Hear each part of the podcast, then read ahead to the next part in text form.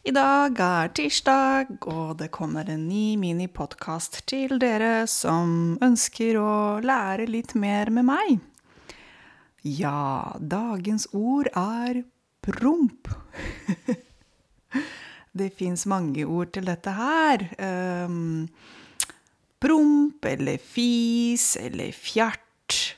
Det er mange ord. Prupp, til og med. Hva er forskjellen på disse her? Så vi har forskjellige ord. Eh, de kommer fra forskjellige verb. Så hvis vi tar f.eks. substantivet en promp, det kommer fra verbet å prompe.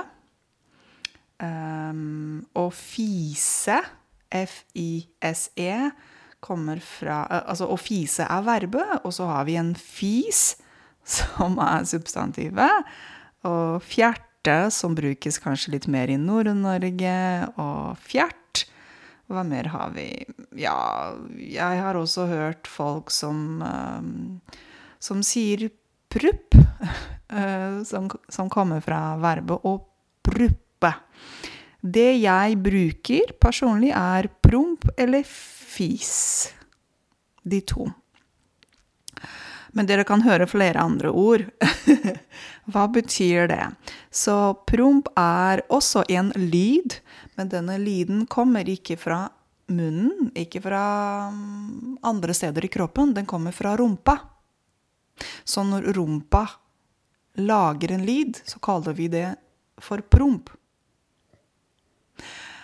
Eh, nå skal jeg prøve å imitere.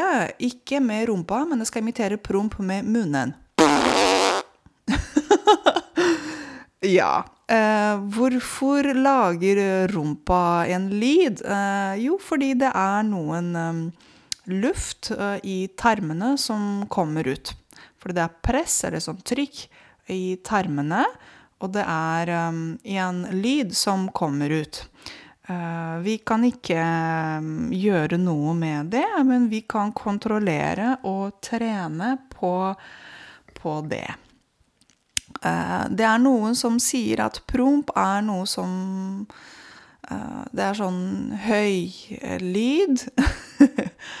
Andre sier at fis er bare sånn en liten en liten fis. Den er ikke så veldig stor, men kanskje det lukter litt mer. Så promp eller fis lukter noen ganger, andre ganger lukter det ikke så veldig mye.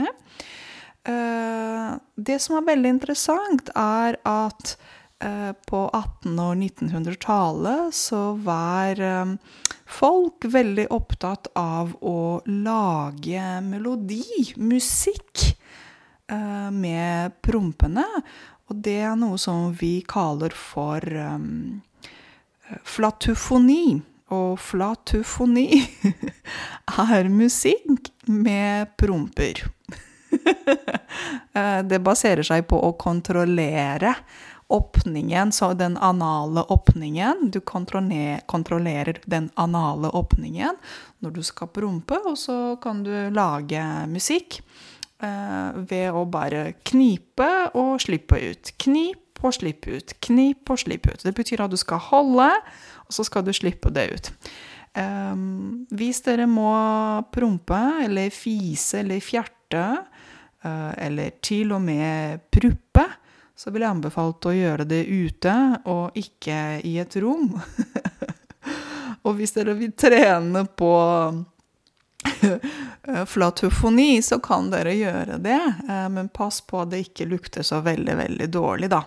Så da lærte dere et nytt ord, eh, håper jeg. Kanskje mange ord, jeg vet ikke.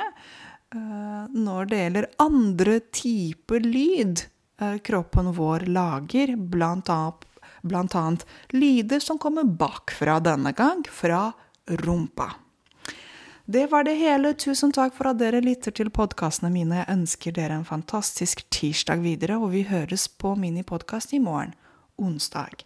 Hei da!